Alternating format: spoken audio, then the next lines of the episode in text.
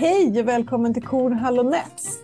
Det här är Skolpodden som jag, Ingela Nets, gör tillsammans med dig, Per. Hej Ingela. Per Kornhall. Hur är läget? Ja, alltså, det är ju inte så jättebra, som jag har sagt, jag har en kompis som har blivit svårt sjuk. Ja, men det... vid sidan av det mm. så är allting utmärkt och, och mm. så. Livet leker, men det, det finns en sorglig ton. Så mm. Mm. Om lyssnarna hör att det finns en sorglig ton i min röst så är den helt riktig. Mm. så är det. Och vad fint att du ändå liksom berättar det. Ibland tänker jag att vi är så duktiga på att vara så här glättiga och liksom låtsas att allt är hoppsan hejsan, fast det inte är det. Ja, den här frågan, hur är det? Så ska man ju inte mm. svara hur det är. Nej, så, är så är vår kommunikation väldigt ja, ofta i samhället. Ja. Jag har, eftersom jag också haft en, en, en, eh, svår förlust i mitt liv för inte så länge sedan, så har jag också blivit varse det där. Liksom. Mm. Och också blivit trött på till slut att, att inte så där lättvindigt kunna säga det är toppen. För mm. att det inte är det. Liksom. Mm. Mm. Uh, men det lär man sig också någonting av. Ja. Nåväl, vi ska prata mer om eh, skola och annat än vad vi ska prata om oss själva i, som vanligt i den här podden. Och vi har även idag en eh, gäst som jag, jag tycker att det är så otroligt härligt att ha den här gästen i vårt lilla poddrum. Eh, barns läsning och skolbibliotek är ju ett sannerligen återkommande samtalsämne i både politik och praktik i, i skolan. Och i rapport efter rapport så, så pratar man om hur oerhört viktigt det är med ett bemannat skolbibliotek för eh, ungas läsning. Och framförallt att det är bemannat av en skolbibliotekarie som är utbildad för just att vara skolbibliotekarie. Och det är så jättekul därför att få säga välkommen till eh, en skolbibliotekarie som är, nu ska jag läsa till utbildad litteratur, litteraturvetare och bibliotekarie med digital inriktning hon har en bakgrund inom marknadsföring och rekrytering men valde att skola om sig till bibliotekarie och börjar nu, eh, eller är inne på sitt tredje år som skolbibliotekarie på Hammarkullsskolan i Göteborg. Dessutom så fick den här personen pris eh, av Svenska Akademin, Svenska skolbibliotekariepriset i år 2023. Varmt välkommen till podden, Jonna Bruse. Tack snälla. Vad behöver vi lägga till i den där presentationen? Vi kanske inte behöver lägga till något, men jag skulle vilja ta bort en sak. Okay. alltså vi, det finns liksom ingen utbildning till skolbibliotekarie just, utan man ja, är bibliotekarie. Ja. Eh, så. Men, men viktig, annars var det jättefint. Viktig distinktion dock. Mm. Ja, tack för det. Skulle det behövas en sån utbildning då, Jonna? Jag tycker nog det. Alltså, vi har ju ingen pedagogisk utbildning och vi jobbar pedagogiskt. Eh, nu har jag valt att läsa till kurser inom pedagogik, men eh, pedagogiskt och didaktiskt kanske det hade varit bra om det fanns. Eh, alltså det finns en del valbara kurser som man kan läsa utöver sin ordinarie utbildning, men eh, det finns liksom ingen inriktning. Mm, mm. Är, det, är, det, är bibliotekarie ett attraktivt yrke? Är det söktryck på utbildningarna? Vet du det? Ja, de säger ju att det är det. Så i och med nu när lagförslaget kom och även när skolbiblioteksutredningen kom så pratade de ju om att utöka antalet utbildningsplatser. Och vad jag har förstått det som så har de högt söktryck på dem så att det finns liksom fog därifrån också mm. att, att utöka platserna. Mm.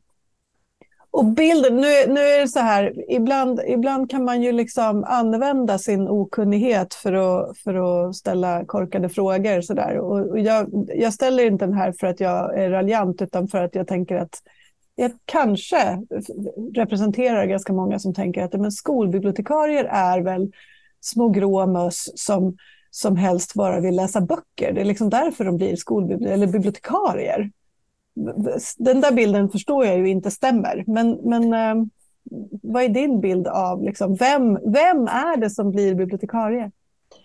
Jag tror att det är en nidbild som liksom stämmer på, eh, generellt. Eh, jag tänker också att det liksom är bilden av bibliotekarie är baserad väldigt mycket på det vi ser när vi går in på ett folkbibliotek. Mm. Eh, det är några som kör runt med lite vagnar, plockar upp lite böcker. Vi har någon i informationsdisken som kanske hjälper till lite grann men de ser ju inte all verksamhet som pågår bakom. Nej. Som också heter, det heter väldigt roligt, det heter yttre och inre tjänst, precis som hos polisen. Som mm. vi ska i fullbibliotek ha yttre och inre tjänst. Eh, det som sker i den inre tjänsten, alltså all, all planering, inköp, omvärldsbevakning, allting sånt syns ju inte. Eh, så vem utbildar sig till bibliotekarie? Eh, ja, alltså jag tänker att det är jätte, jätte brett. Alltså, mm, Mm, den masterutbildningen jag läste eh, var det ju många som också ville bli informationsspecialister. Det var en, en nationell eller internationell utbildning, så jag hade kursare från över hela, hela världen. Um, så att allting som rör information, läsning, eller inte läsa, alltså bibliotekarieutbildningen eller bibliotekarieyrket har ju egentligen ganska lite med läsning att göra. Det är mer liksom eh, struktur, katalogisering, indelning, liksom ordning och reda. Men jag tror att, ehm, jag tror att de allra flesta tycker om ordning och reda. Ursäkta, jag skrattar. Det är underbart. Jag tycker det är jätteroligt. Ja. Jag måste, jag måste bara, eh, och det här blir också så här, eh, ett, ett stickspår, men, men när du pratar om, om yttre och inre tjänst, det, det var jätteroligt på ett sätt, det har jag aldrig hört. Men jag tänker det finns ett stråk av allvar i det också, därför att det har ju varit ganska mycket rapporter om eh, att, att det på många bibliotek är stora problem med att, att man har liksom ett besökarklientel som stökar och bråkar och förstör och stör. Liksom. Och då, då mm. på något vis så kan man ändå dra en parallell till den där yttre tjänsten som också då upprättar, handlar om att liksom upprätthålla någon sorts ordning, inte bara bland böckerna. Liksom. Nej, precis. Ja, det blir en väldigt stor alltså, distinktion mellan att ha ett demokratiskt öppet rum för allmänheten så som mm. folkbiblioteken är och då mm. Eh, personer som försöker påverka det demokratiska rummet på olika mm. sätt. Mm. mm. Vill då den här arketypiska bibliotekarien som älskar ordning helst jobba med inre tjänst och sortera saker? Eh, oj, det var en svår fråga att svara på. Eh, kanske. Men, ja, men, nej, men jag tänker så här, alltså inom, inom bibliotekarieskrået så är det också fortfarande förhållandevis få som faktiskt vill jobba som skolbibliotekarier just. Mm. Eh, som inom skrået är det också det som har lägst rang, alltså, vi, eh, alltså högst rang har universitetsbibliotekarier, sen folkbibliotekarier och sist skolbibliotekarier. Mm. Eh, och jag tror att det dels handlar om att man inte kanske riktigt vet vad en skolbibliotekarie eh, kan och ska göra och hur den verksamheten ser ut. Eh, men kanske det är färre också... böcker att hålla ordning på också. Eh, ja, det kan det vara om man har ett litet skolbibliotek, absolut. Eh, ja, nej, men jag tror att vi behöver liksom stärka bilden av vad som faktiskt skiljer de olika verksamheterna åt. De är mm. ganska vitt skilda. Mm. Och du har ju verkligen satt skolbibliotek på kartan. Det måste man ju verkligen säga. Eh, du har, någonstans såg jag en siffra att du har ja, 11 000 följare på Twitter. Nu ska vi ju säga att Twitter heter inte Twitter längre, det heter X. Och det, det är ju en, ett sammanhang som, som har sina eh, allt tydligare baksidor just nu. Men, men eh, du har ju blivit liksom en, en stark röst för skolbibliotek och skolbibliotekariens funktion, tänker jag. Känner du dig liksom är du representativ eller är du, eh, sticker du ut också inom ditt eget skrå? Ja, det kanske jag gör. Det vet jag inte. Det är svårt att säga. Jag råkar ju vara inte så mycket grå tyst mus utan väldigt eh, högljudd och eh, ibland lite arg. Eh, och ilska är inte en drivkraft man ska underskatta, tycker jag. Eh, Eh, men jag tror att de frågorna som jag lyfter, som jag är förbannad över, delar jag med väldigt många skolbibliotekarier. Frustrationen inför mycket av det som, eh, jag ska inte säga sägs i debatten, utan snarare det som inte sägs eller hur vi osynliggörs väldigt mycket. Mm. Och det visar ju forskning och, och sådant också. Så att, eh, ja, jag vet inte om jag som person är representativ, men jag tror att frågorna jag driver är eh, samma frågor som vi alla eh, brinner för och drivs av. Mm. vad är det som frågan, inte sägs? Ja, för i den frågan, om jag bryter mm. in, för i den frågan ligger ju att vara representativ för en, en yrkeskår som ju, där det stora statistiska problemet är att de är för få. Jag menar, det representativa här är ju att det finns för lite skolbibliotek och för lite möjligheter för barn att möta skolbibliotekarier. Det är ja. ju den som är det stora eh, ja, representationsproblemet här. Ju. Mm. Ja, dels det och sen att, eller jag vet inte vad som är höna, hönan och ägget här, men så länge inte vi liksom, eller så länge inte verksamheterna tydliggörs, så länge inte bibliotekarier viktiggörs, det finns inget ord som heter så, men nu gör det det, eh, så kanske inte heller så många vill utbilda sig till det, eh, så kanske inte så många rektorer eller huvudmän vill satsa på skolbibliotek. Alltså det är ju någon form av snö, dålig snöbollseffekt här och saker och ting. Mm. Uh, så jag, för jag vet, jag föreläser ibland för nya biblioteksstudenter eller bibliotekariestudenter på Bibliotekshögskolan eh, och liksom berättar om mitt arbete. Och för många är det, det är en helt ny värld för dem som öppnar sig. Oj, gör du det? Vad roligt. Eh, och sen är det i alla fall några stycken som tänker att eh, det ska jag nog bli istället för att jobba på folkbibliotek. Mm. Mm. Men du, om vi återvänder lite grann till den här masterutbildningen som du, som du nämnde. Masterutbildning i biblioteks och informationsvetenskap, digitala bibliotek och informationstjänster, läsning mm. och digitalitet. Alltså, mm. Det här blir så spännande därför att i, i liksom den, den nationella och politiska eh, liksom, eh, sandlådedebatten, om jag ska raljera lite grann, som förs, så är det ju någon sorts liksom, antingen eller-fokus just nu. Att vi mm. kastar mm. ut liksom, alla digitala verktyg därför att läsningen är så viktig. Och så kommer ja. en skolbibliotekarie som har liksom det här på något vis som ett, ett paket. Eller hur ska man eh, förstå den utbildningen du har Ja, som sagt, det är en internationell utbildning så att eh, många av, av, kurserna eller sak, frågorna vi diskuterade där var ju kanske också sådana som vi inte är så vana vid att prata om i svenskt bibliotekssammanhang. För oss i Sverige så är verkligen biblioteken en institution, som jag sa, ett mm. demokratiskt mm. rum. Och, eh, jag stötte på frågor under min utbildning som så här, ja men det är väl inte så konstigt om användarna av biblioteket kanske betalar extra för vissa tjänster och alla vi som var svenskar eller vana vid så som bibliotek ser ut hos oss fick ju panik mm. över det faktum att folk skulle behöva betala för någonting mm. exempelvis. Mm. Eh, men jag, vi var liksom inte riktigt inne på jättemycket på digital läsning, men vi läste en kurs om e-böcker och då handlar det ju allt om från hur de produceras, distribueras, eh, hur de läses. Eh, men sen är det också mycket digitala informationstjänster. Det är väldigt få, skulle jag säga, som slår upp saker i ett ett analogt uppslagsverk mm. i dagsläget. Nästan alla informationstjänster är ju digitala mm. eh, och det är väldigt viktigt att vi har med oss. Då. Det, alltså jag kan om, om, vi går tillbaka till debatten antingen eller, visst jag kan mm. köpa det och forskning visar att i tidig läsinlärning så ska vi inte låta eleverna få en enkel väg ut genom att istället lyssna för att de tycker att det är lite jobbigt att läsa. Absolut. Eh, men vi, jag tror inte heller på att vi helt kan klippa digitaliseringen för att de kommer komma ut i ett väldigt digitalt samhälle sen och då har ju vi som skola en stor uppgift i att förse dem med kunskap kring hur de ska hantera det. Mm. Mm. Ja, det handlar ju om någon sorts uh, att, att, att rusta för, liksom, att kunna förhålla sig till den, den verklighet som, som vi alla lever i på något vis.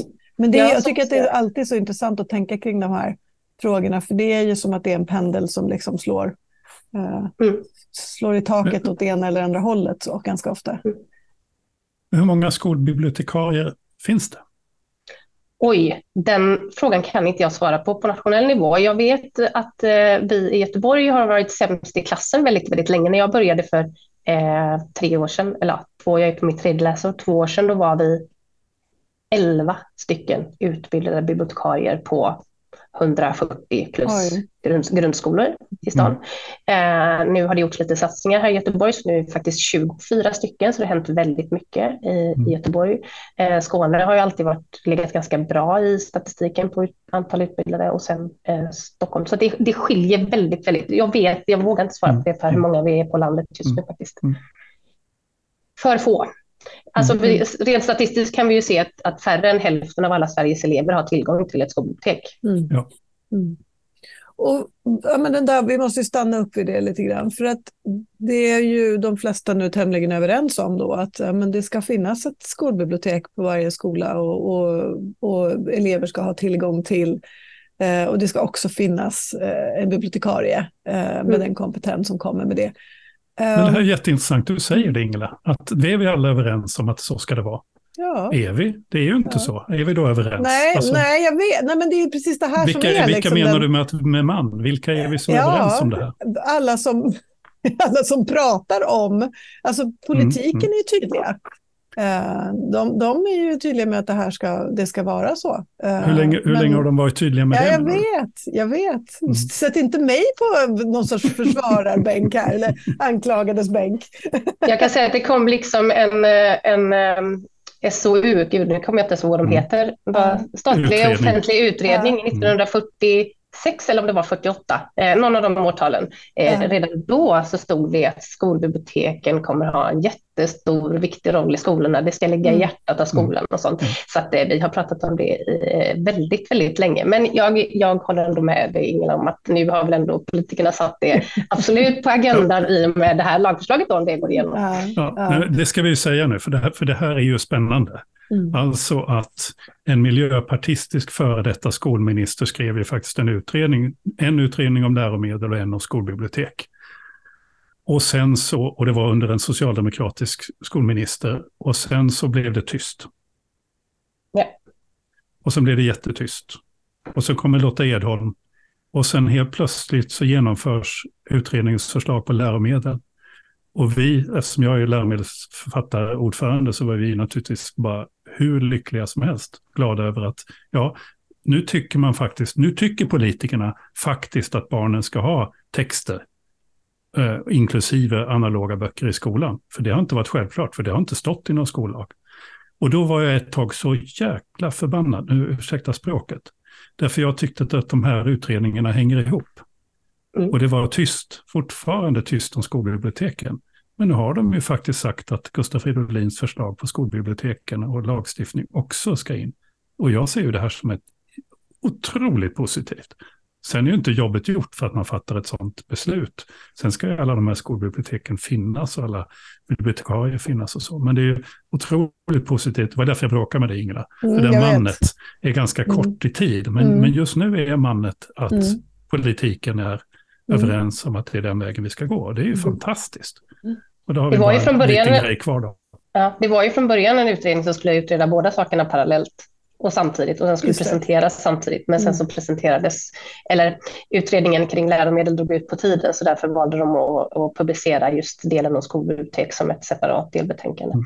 Mm. Eh, jag skrev ju faktiskt min uppsats just om Ja, men jag skulle ju säga det, det här är ju liksom ett expertområde verkligen. Du är extremt inläst på just det här. Ja, alltså nu valde jag nu, alltså begränsad tid och begränsat mm. utrymme i text och så vidare. Men jag valde att fokusera just på bemanningsdelen eh, mm. för att eh, jag har också sett eh, i den forskningen jag har tagit del av hur skolbibliotekarier liksom osynliggörs. Och jag ville liksom undersöka de politiska argumenten i just delen som rörde bemanningen av skolbibliotekarierna och hur de lyfte den och huruvida det skulle kunna få någon form av effekt för oss som yrkeskår. Att vi kanske eh, kan få bli lite eh, ja, men mer synliggjorda helt enkelt.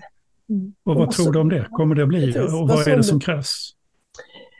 Eh, jag hade lite för, alltså, jag förstår att det finns inte personer nog att bemanna skolbibliotek 2025. Det är rent krasst, det vet alla. Mm. Eh, det finns inte tillräckligt med utbildningsplatser. Alla de som går bibliotekarieutbildningen kommer inte vilja bli skolbibliotekarier och så vidare. Eh, så utredningen presenterar då ett förslag på en vidareutbildning för lärare att utbilda sig till bibliotekarier. Men jag hade lite farhågor kring Eh, alltså vi ser redan nu att vissa rektorer och huvudmän satsar på skolbibliotek fast det finns ekonomiska incitament som säger nej, det kan du inte göra.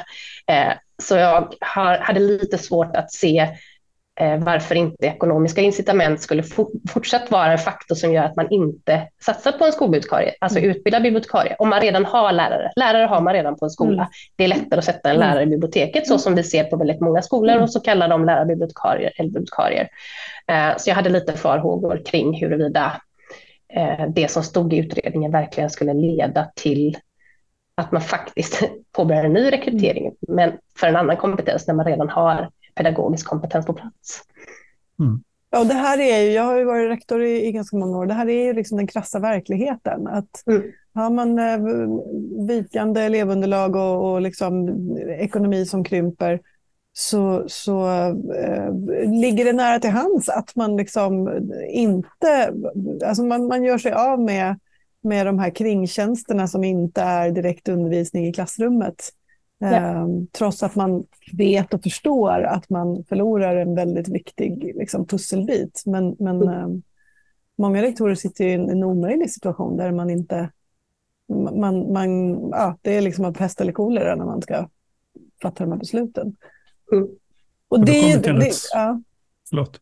Nej, men jag tänker att det, apropå det här vi började prata om, att alla nu är överens, då, om vi ändå hävdar att det är så, så är det ju liksom, vad är, vad har vi för tidshorisont här? Det är ju nu, det är idag, när vi spelar in det här så fick vi liksom nya PISA-resultat som visar att, att, att läsnings och läsförståelsen liksom går ner ytterligare bland våra elever. Det är, ju, det är inte om 10 år eller 15 år som vi behöver ha en annan situation i våra skolor där barn har tillgång till både böcker och, och kompetens liksom, eh, i ett bibliotek.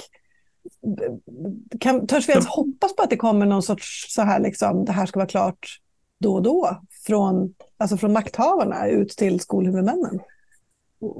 Nej, nej. Jag, är alltid, jag, är alltid, jag är alltid försiktigt pessimistisk. Eh, men de menar då att alla skolbibliotek ska vara bemannade 2025. Eh, det är ju omöjligt och de kan ju liksom inte göra lagar som inte går att uppfylla, Nej. tänker jag. Um, men jag håller med dig, det är ju igår och i förrgår och ända sedan 1946 och säkert innan dess också som det här borde ha prioriterats. Eh, mm. hur de ska lösa det, det vet inte jag, för att jag är inte politiker och jag är väldigt glad för det just nu känner jag. Samtidigt som det är naturligtvis jätteviktigt att man tänker att ska det här bli bra på riktigt så måste man tänka 10, 15, 20 år mm, fram i tiden för att bygga ett sådant system. Men, men den typen av perspektiv har vi ju så väldigt sällan. Eh, mm. Men, men det hade varit bra mm. om man gjorde det.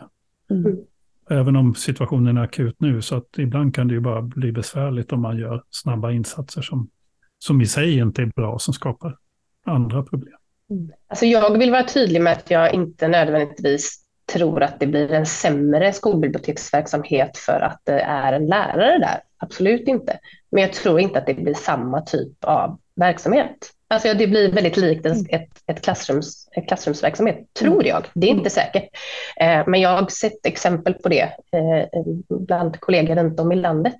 Eh, för att de har inte den kompetensen som, som vi har och, vi, och kanske inte heller det perspektivet som vi har. Eh, vi har. Vi har lite olika perspektiv när det kommer till läsning exempelvis. Mm. Eh, så jag tänker att båda rollerna tillsammans är det som kommer få bäst effekt för elevernas läsförståelse och mm eh, jag ogillar begreppet läslust, men om det är det nu vi vill uppnå, som samhälle. Det, det, det var intressant, för det här var andra gången. Förra samtalet vi hade så, så var det också det, en, det var en lärare som inte gillade läslust. Så att, Martin Ahlstedt. Ja, var det Martin? Jag tänkte just säga det. Mm.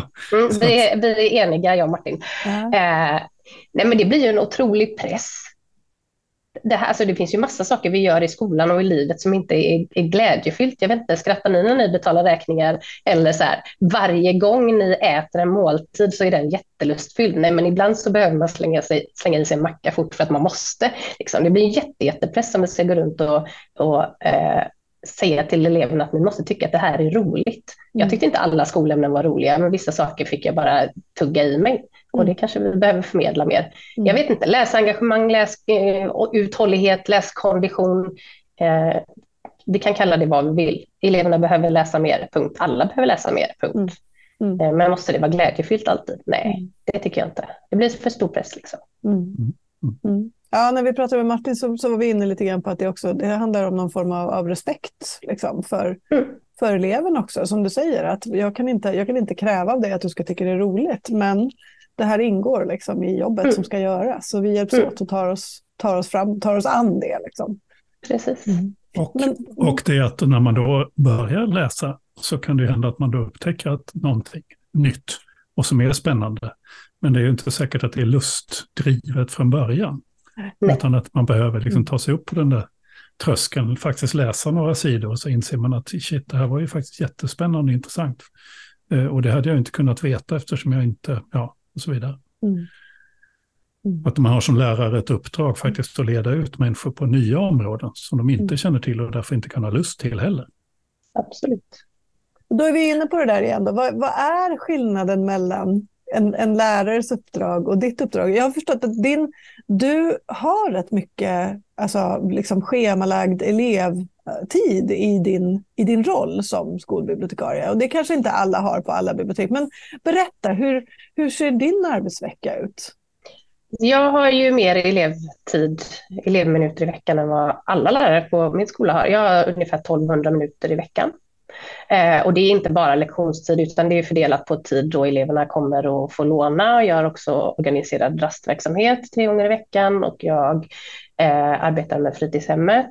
Eh, men jag träffar alla klasser en gång i veckan, både på grundskola och anpassad grundskola. Eh, 45 minuter, förutom förskoleklasserna som jag har halvklassvis i 30 minuter i veckan. Ehm, så, så ser det ut rent liksom, minutmässigt. Så jag har ganska mycket att göra fram till, jag jobbar ju på lågstadiet mm. också då ska jag tillägga, så att alla mm. elever de slutar ju som senast klockan två, så innan dess så ska jag få in alla de här minuterna där jag ska träffa alla. Eh, och det kanske inte är eh, så jag vågar inte säga, säga hur vanligt det är, men, men eh, schemaläggningen av bibliotekarien kan ju se ut på olika sätt. Jag tänker vissa träffar klasserna varannan vecka eller så har man punktinsatser under vissa årskurser som man tycker är viktigt. Eh, eller så har man eh, punktinsatser gällande olika läsfrämjande projekt eller digitala projekt eller så. Så det ser väldigt olika ut. Vad är poängen med att jobba som du gör? Vad är, vad är, vad är det du ser? Eh, Alltså, anledningen till att vi gjorde det var egentligen för att det inte skulle bli ojämlikt inom skolan. Eh, skolbibliotekaries samarbete med lärarna bygger väldigt ofta på enskilda lärares intressen för skolbiblioteket eller läsning. Eh, och då blir det kanske automatiskt så att en lärare som är väldigt intresserad kommer till skolbibliotekarien, de etablerar ett samarbete eh, och de som inte är så intresserade orkar man rent krasst till slut inte hålla på och försöka marknadsföra sig själv till. Eh, så en anledning var att vi inte ville att det skulle vara ojämlikt. Liksom, vårt samarbete och elevernas möjlighet att, att träffa mer regelbundet ska inte vara avhängt av enskilda lärares intresse. Mm. Och när ni träffas, du och eleverna, vad, vad gör ni? Ja, det har ju också varit en resa fram till där mm. vi är idag. Eh, jag började som, när jag började som skolbibliotekarie var jag nyexad, så jag har ju aldrig gjort det innan och min chef sa, gav mig nyckeln och sa gör din grej. Och eh, man har ju ingen grej när man är Mm. Så jag bara så här, jag vet att jag ska jobba läsfrämjande och jag vet att jag ska jobba med MIK, medie och informationskunnighet. Hur gör jag det här? Jag eh, gör, höftar lite, gör kanske varannan gång, läser någon bok och lite så. Så jag fick, jag fick testa mig fram. Eh, men efter mitt första läsår så kände jag att, att dels så var det väldigt splittrat för mig att veta vad jag skulle göra. Dels var det inte tydligt för varken elever eller lärare vad jag höll på med och hur de kunde nyttja min kompetens i sitt klassrum. Eh, och då hade vi också lite flyt för eh, nya Lgr kom, Lgr 22, så vi skulle sätta oss ner och eh, göra nya årsplaneringar för eh, alla ämnena. Och då sa jag att då skulle jag också vilja ha en årsplanering, precis som det finns i svenska NO, matte, SO, så ska det finnas en för biblioteket som tydligt knyter an till det ni gör i klassrummet. Eh, så det vi gör, gör nu då är ju att jag arbetar ju främst inom ramen för svenska, men också SO och NO när jag går in och har kanske eh, jobbar med källor eh, för att komplettera det lärarna gör i exempelvis religion eller när de pratar om rymden eller bondgårdar eller vad det kan vara. Eh, och sen så har jag längre läsfrämjande projekt parallellt med att de kanske jobbar med berättande text eller sagor eller dikter eller andra genrer. Vilka är de viktigaste erfarenheterna? Nu har ju du några års erfarenhet där du har fått göra din grej som du inte ens visste vad den var. Men nu har du ju gjort en grej. Mm. Så vad, är, vad, vad, är det, vad skulle vara dina viktigaste råd till en ny skolbibliotekarie i samma situation som du var en gång? Alltså jag tycker att man behöver skicka ansvaret uppåt. Det kan inte ligga på enskilda skolbibliotekarier att marknadsföra ett, ett skolbibliotek och en verksamhet och se till att eh, samarbete med alla lärarna funkar. Den gången måste vara krattad av ledning först och främst givetvis. Mm. Rektorn måste veta vad en skolbiblioteksverksamhet är och vad den kan vara. Det måste finnas en samsyn i kollegiet kring vad det är och kan vara. Eh, det behöver struktureras upp. Det behöver finnas gemensamma ytor för samarbete. Eh, så jag tänker att det är svårt att ställa de kraven när man mm. kommer som ny. Mm. Liksom. Eh, men det tror jag är det som främst behöver som du då har byggt nu. För jag menar, där, din första ja. fråga var gör din grej. Det implicerar ju att det inte finns någon struktur och ingen tanke. Mm. Nej, och det gjorde det inte direkt heller. Nej, utan nej. att ni tillsammans har byggt den. Ja, precis. Ja. Det har vi. Så jag, det, har, det har varit en resa och jag tänker att vi eh, inte är klara. Eller jag tänker mm. att man aldrig blir det. det mm. Man är skolbibliotekarie lika mycket som man är skolbiblioteksutvecklare hela tiden, tänker jag. Mm. Det där blir jätteviktigt. Jag tänker bara ett, ett, någon sorts medskick till till, eh, men om det här lagförslaget nu går igenom och, och vi faktiskt ska påbörja någon sorts liksom, stor utbyggnad av skolbiblioteksverksamheten i landet, eh, så blir det ett viktigt medskick till de som utbildar rektorer att det här är ju något som rektorer måste förstå, precis det du säger nu. En rektor måste, måste liksom veta vad en skolbiblioteksverksamhet är. Mm. Och jag tror att många eh, rektorer, som jag själv liksom, någonstans ser framför sig liksom bibliotekarien som kommer med en vagn med böcker och berättar vad som är nytt, nytt i hyllorna mm. och sen så, mm. så går hen ut ur rummet igen. Så. Um, och, och, det förstår vi ju alla att det är så oerhört mycket mer. Men, men det ja. behöver, som du säger, ska rektor kunna kratta så måste rektor förstå vad det, vad det är och ha någon sorts idé om hur det här ska liksom, gifta sig med den övriga pedagogiska verksamheten. Mm, precis. Mm. Och så, ja, och det är ett viktigt inslag då i, till exempel i då rektorsutbildningar mm. som då kanske kan tendera till att handla om andra frågor än mm. just om mm. Och ja, likadant som när det gäller läromedel så har ju de varit på vissa lärarutbildningar helt icke-existerande som mm. läroobjekt. Eller hur mm. man undervisar med hjälp av läromedel. På samma sätt så måste ju också nyblivna lärare få förståelse för skolbibliotekens roll i den här mm. infrastrukturen. Mm. Jag vet att vissa lärosäten har ju liksom kors, alltså att lärarutbildning och bibliotekarieutbildning har liksom gemensamma kurser eller att de liksom mm. träffar varandra för, för olika, i olika forum, men så ser det inte alltid ut. Och vad jag har förstått det som eh, från min chef så pratas det inte skolbibliotek på rektorsutbildningen överhuvudtaget. Nej, nej. nej. Men hur kommer det sig att det här sker i Hammarkullen? Alltså varför fanns det utrymme för din tjänst? Eh, nu råkar jag ju då ha en eh, chef som också är en sån som skickar upp eh, arbetsmiljöansvaret uppåt hela tiden. När, liksom, när hon började på Hammarkullsskolan och det inte fanns något skolbibliotek där så sa hon att jag vill anställa en skolbibliotekarie för att eleverna måste lära sig läsa mycket tidigare. Eh, de lärde sig kanske inte läsa eh, förrän i, i, i slutet av årskurs två, om ens då, och det är alldeles, alldeles för sent. Mm. Och hon visste att läsning var viktigt och då tänkte hon skolbibliotek, vet inte hur det ska organiseras, vet inte vad det innebär, men det här behöver jag. Och då hade hon ju röda siffror, men valde att ändå göra det, för hon menar på att ska jag följa skollagen så är, det, är, är detta vad jag behöver göra. Och i så fall om någon tycker att jag tar dumma beslut så får jag skicka det arbetsmiljöansvaret uppåt och säga att vill ni att jag ska följa lagen eller vill ni att jag eh, ska ha gröna siffror? Eh, så det, och det, därav blir det också ojämlikt över landet givetvis. Ja. Man har, precis som internt med samarbete med lärarna, det är baserat väldigt mycket på eh, enskilda rektorers eller huvudmäns eh, engagemang och förståelse för verksamheten, tänker jag. Mm. Så vi får en sån här liten konstpaus, alltså den en rektor som ställer det ultimatet. Ska jag ha, visa gröna siffror eller ska jag följa lagen? Det är, så, det är väldigt ovanligt att man vågar det. För att det, alltså är det någonting som ens tjänst hänger på som rektor så är det just de där gröna siffrorna. Mm.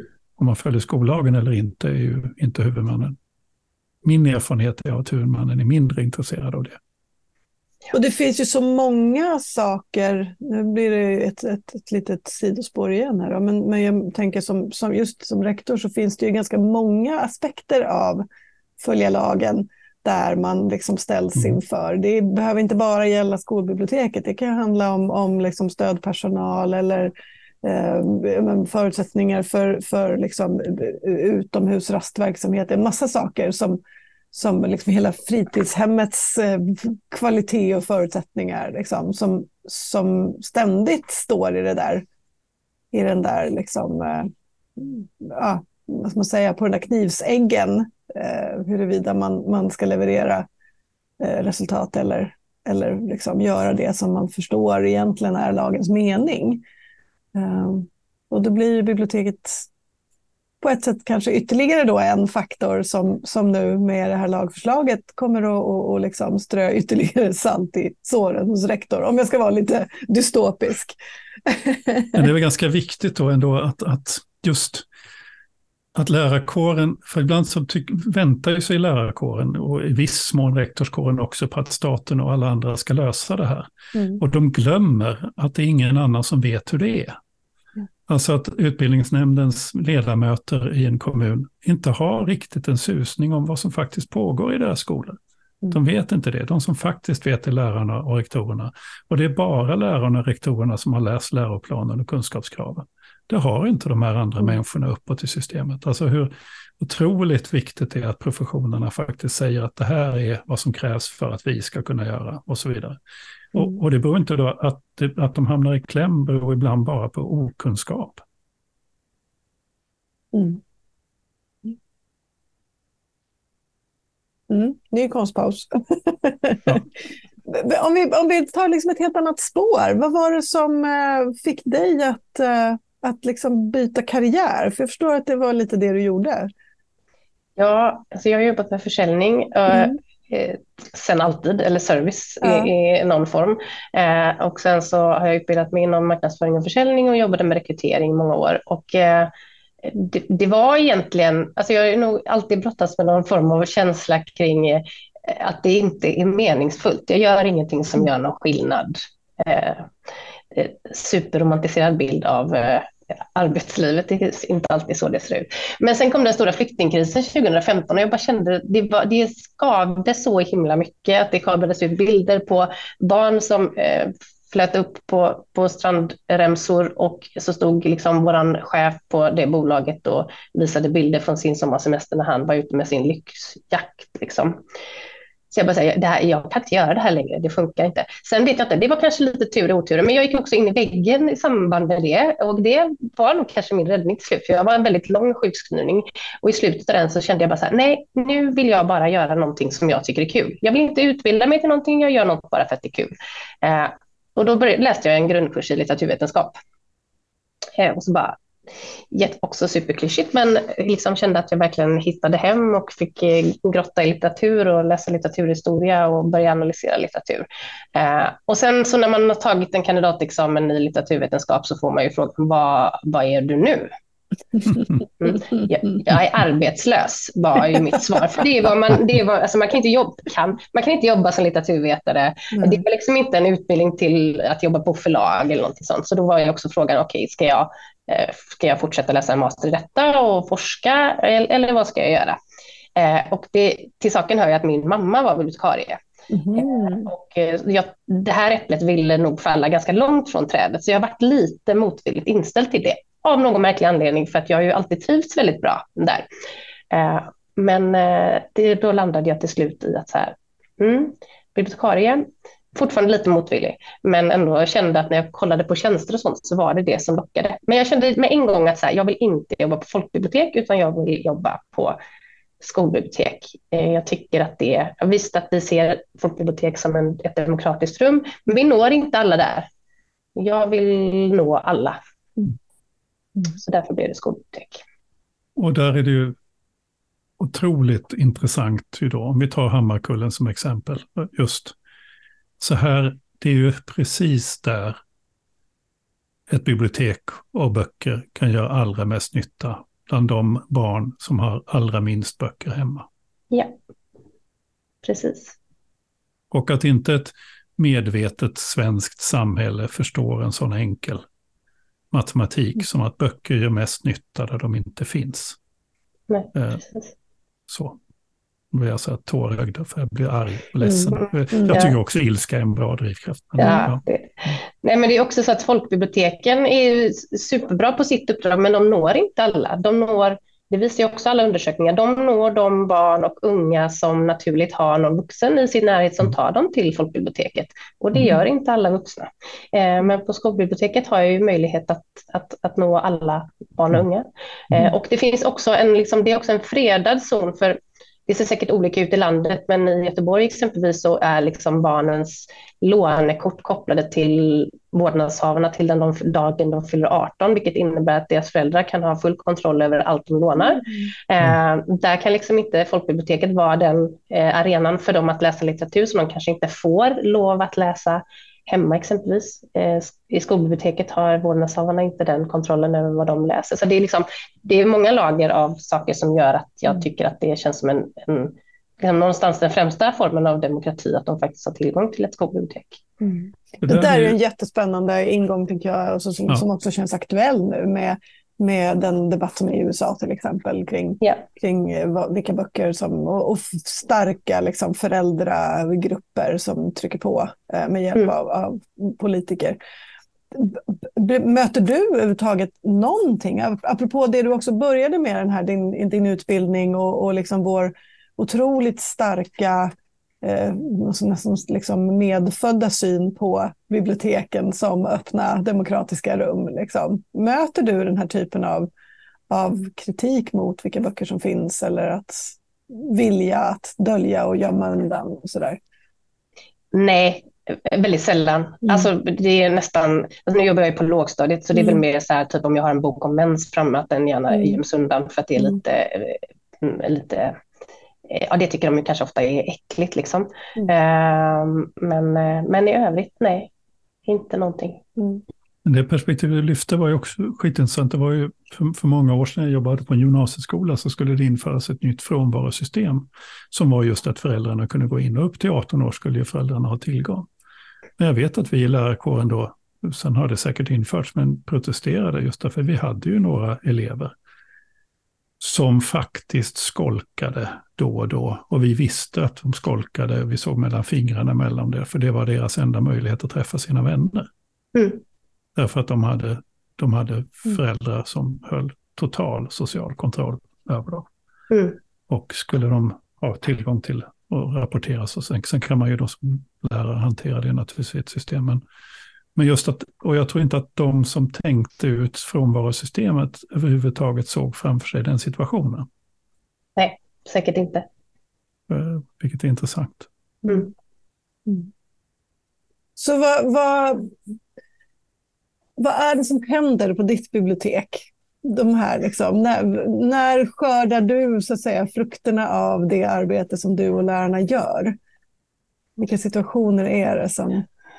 Alltså för mig är det, alltså jag tänker om en, en, lärares roll är väldigt, så som jag ser det som bibliotekarie, är ju ofta väldigt fokuserad på liksom den tekniska delen av läsningen. Mm. De ska koda av, de ska ljuda, eh, mm. det ska bli till meningar, de ska forma bokstäver på rätt sätt. Jag är ganska ointresserad av det. Jag är mm. mer intresserad av eh, när de börjar dra kopplingar eh, mellan olika verk eller mellan sig själv och saker som har hänt i böcker eller liksom eh, mer det jag vet inte, filosofiska eller analytiska planet mm. av att, att mm. läsa eh, litteratur.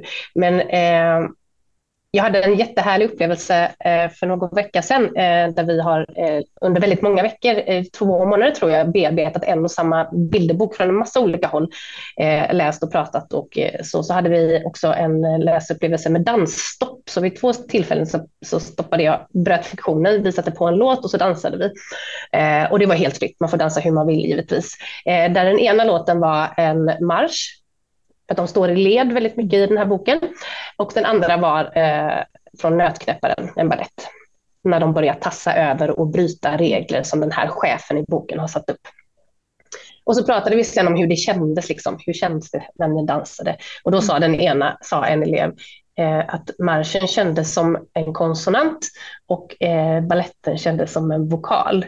Eh, jag vet inte, det var sånt eh, otroligt härligt. Mm. Eh, så här. Det kanske inte var så mycket att dra kopplingar till, men ändå så saker man har lärt sig som har med mm. läsning, mm. bokstäver att göra. Liksom. Världen hade breddats lite med att man faktiskt mm. kan prata om dans och musik i form av vokaler och konsonanter. Mm. Så det är väl sådana tillfällen, tänker jag.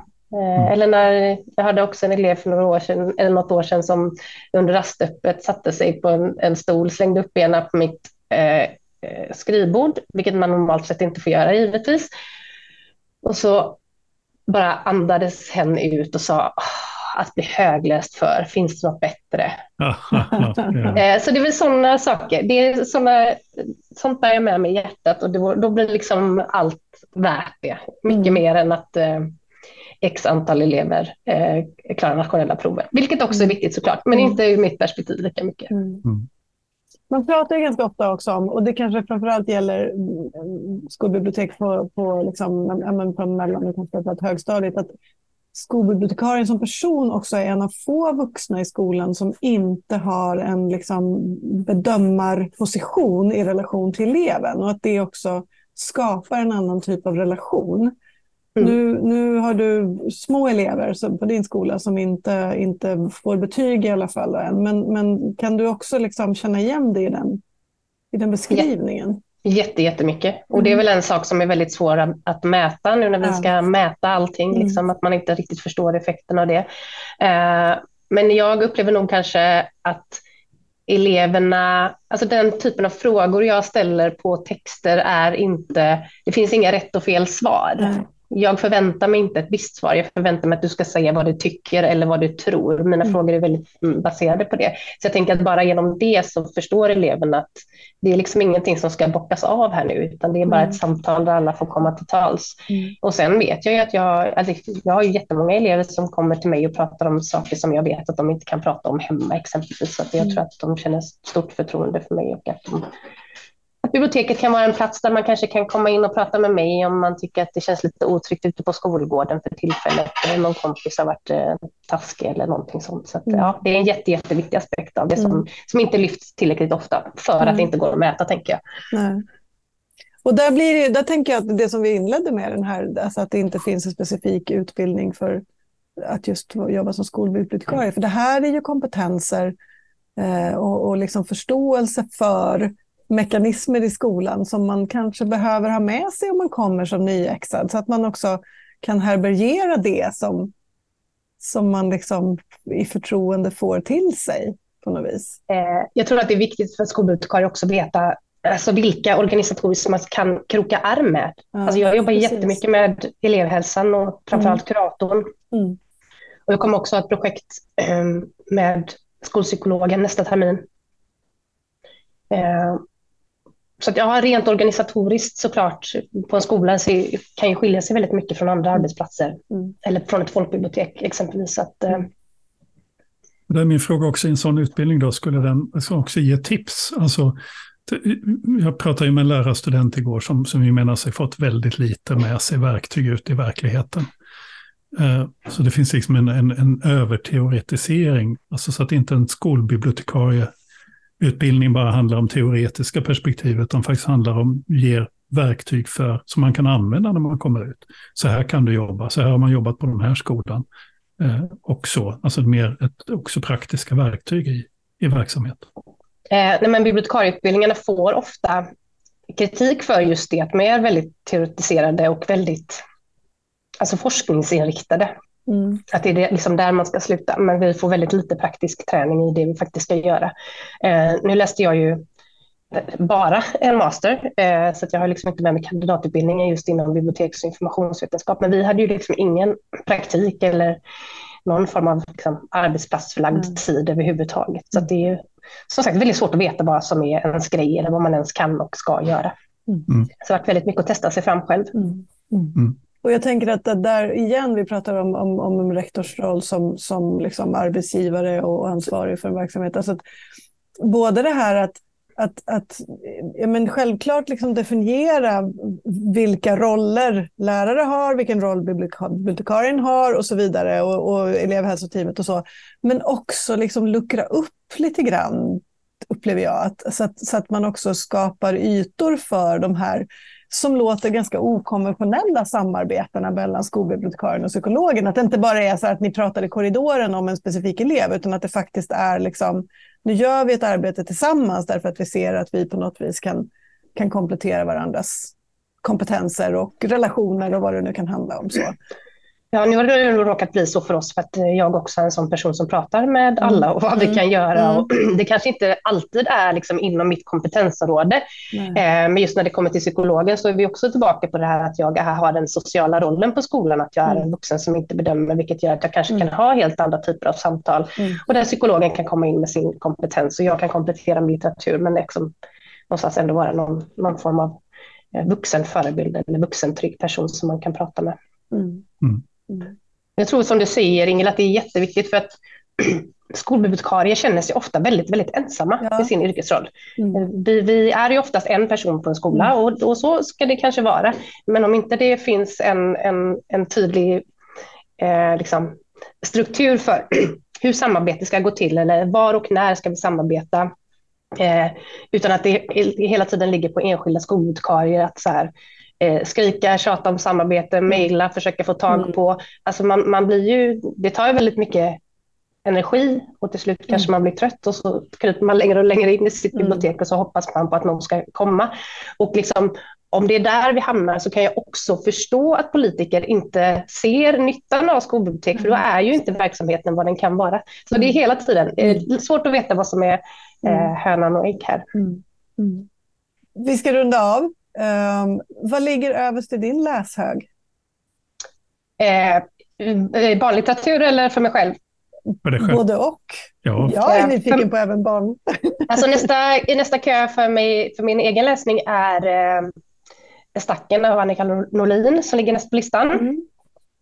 Det ska bli jättespännande att läsa den. Jag läste hennes novellsamling när den kom. Mm. Eh, vad har jag på läslistan på jobbet? Oj, den är liksom en never-ending hög av eh, grejer. Men jag ska ha ett, ett långt läs och skrivprojekt med årskurs tre nästa termin så att jag behöver läsa in mig på en massa olika eh, titlar för att vi ska liksom, läsa delar av en massa olika böcker för att fördjupa oss i hur författare porträtterar karaktärer, tid och mm. miljöer. Mm. Så den är en väldigt stor hög. Jag, kan inte, jag vet liksom inte ens riktigt vilka böcker jag ska läsa där än, utan jag behöver läsa in mig massor innan dess.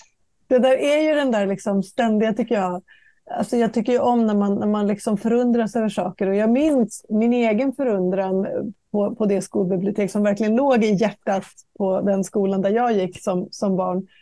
Där man liksom frågade bibliotekarien, har du verkligen läst alla böckerna i det här rummet? Mm. Det är nog den vanligaste frågan jag får. Ja, jag kan tänka mig det. ja. Mm. Ja. ja. Inte riktigt alla, men väldigt många. Ja. Mm. Läser du lika mycket, alltså jag förstår att du läser på jobbet, men läser du liksom lika mycket när du är ledig? Ja, fast då läser jag inte barnlitteratur. Nej. Om jag inte läser för mina barn. Då. Nej, men just det. Mm. Eh, men eh, ja, det gör jag. Jag läser väldigt mycket. Ja, vi ska släppa iväg dig. Vi, vi, jag tror att, att lyssnarna har uppfattat att du har en, en uh, hals som, som bråkar med dig och du får kämpa för att och hålla ihop det. Så vi ska inte plåga dig mer. Men det har varit otroligt roligt att prata med dig. Ehm, och, och jag måste säga att jag tror att vi från hela liksom, skol och skolbibliotek Sverige kan säga tack för att du liksom orkar vara arg och ta den här fighten så ofta som du gör uh, i olika sammanhang. För din röst behövs och kanske särskilt nu när vi ändå tror att vi äntligen är överens om hur viktiga skolbiblioteken är. Mm. Vi hoppas, annars kommer jag fortsätta vara arg och skrika. Ja, det är bra. Ja, bra. Det är bra. Det ser vi fram emot. Det lät ju meningsfullt. Jag menar, byta ett försäljarjobb som man tycker var meningslöst till ett jobb där man får hundra kramar om Verkligen. dagen. Det verkar vara ett helt okej byte tycker jag. Verkligen. Ja. Och tänk vad, vad, vad, vad, befriande det är med liksom människor som, som, eh, ja, men som verkligen liksom gör det som vad hjärtat säger på något vis. Mm. Och att det faktiskt finns meningsfulla jobb. Mm. Mm. Alltså med en mm. annan mening. Mm. Ja, men precis. Mm. Ja, vad, vad tror vi nu då? Kommer vi ha, alltså tänk om vi faktiskt kommer att ha skol, bemannade skolbibliotek, bemannade med skolbibliotekarier. På det kommer ju fortsätta vara olikvärdigt. Det kommer fortsätta ja. vara så att inte alla har det. Men det kan ju inte bli sämre. Nej, precis. Alltså, rimligtvis så bör ju situationen bli bättre. Det bör vara fler barn som i och med de här kraven får det. Mm. Och det gäller också när det gäller läromedel, faktiskt fler skolor som får, eh, där lärarna känner mm. att, att de har stöd i ryggen för mm. att, att beställa hem de böcker som mm. de faktiskt tycker att eleverna och de själva behöver för undervisningen och så. Mm. så. Det kan ju inte bli sämre och det verkar bara så, eh, just den här ilskan, så det är väldigt skönt när sån där ilska bara inte har någon anledning att finnas kvar. Just det här, jag var så arg mm. över att inte skolbiblioteksfrågan kom vidare, för mm. det var verkligen helt knäpptyst. Mm. mm. Därför att alla, som du sa, alla mm. man pratar med tycker mm. att det ska finnas skolbibliotek. Alla man pratar med tror att det, ska, ja, att det finns läromedel i alla klassrum ja. och så vidare.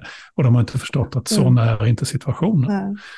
Uh, och alla är liksom överens om det, men ingen vågar fatta beslut om att det ska vara så som vi alla tycker att det ska vara.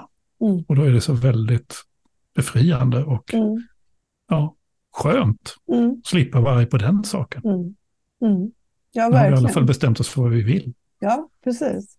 Sen måste vi följa upp hur det blir. Ja, ja. och jag har ju alltså jag har ibland, kanske lite så här eh, okunnigt, men ändå tycker jag relevant pläderat för någon sorts liksom kombinerad regelstyrning framöver i mm. skolan, där, där vi faktiskt sätter kvalitetsmarkörer som för, för det, det kan ju också hjälpa till att lösa upp knuten kopplat till till liksom, eh, skolor som inte håller måttet av en massa olika skäl. Eller skolor som plockar ut vinst fast eleverna mm. inte får liksom, det som vi på något sätt förväntar oss att de ska få.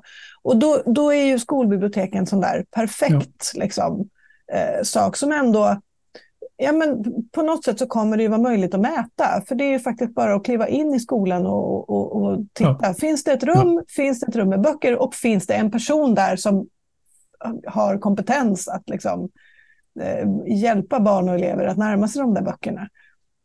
Um, och det, där, det där med en kombinerad regelstyrning och målstyrning, det skrev mm. Riksrevisionen om för säkert 20 år sedan. Mm, mm. Att, och I en kommentar till svensk lagstiftning att det finns inga som helst, de, de kunde inte se att det skulle finnas något som helst problem att blanda nej, mål och regelstyrning. Nej, för det är så man gör i alla verksamheter. Ja, ja. Men de, de menar ju då att i Sverige har man liksom fast, hade man fastnat i mm. någon sorts bokstavstroende mm. målstyrning. Mm. Att man inte mm. fick ha regler. Men att det finns ju ingenting som säger att man inte kan ha regler och målstyrning. Nej, precis. Och det, jag, jag, tycker inte om ordet hygienfaktor. Jag vet inte, jag tycker att det är liksom ett, ett, inget trevligt ord. Men bemannade skolbibliotek och skolbibliotekarier eh, är fasen en hygienfaktor för svensk skola. Ja, och inte minst då i de skolor där, där, där som till exempel Hammarkullen. Mm. Alltså för det är en sak, mm. man kan ju tycka att den som, om, om, om nu jag och min sambo hade, hade små barn, så, så mm. alltså de lider ju ingen brist, skulle inte lida brist på böcker. De, Nej.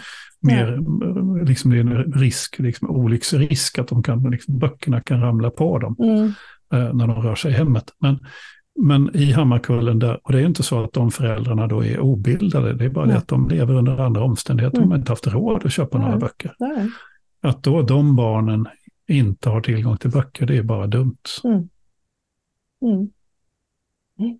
Faktiskt. Mm. Och verkligen en sån hygienfaktor i ett demokratiskt samhälle. Mm. Mm. Punkt. Punkt.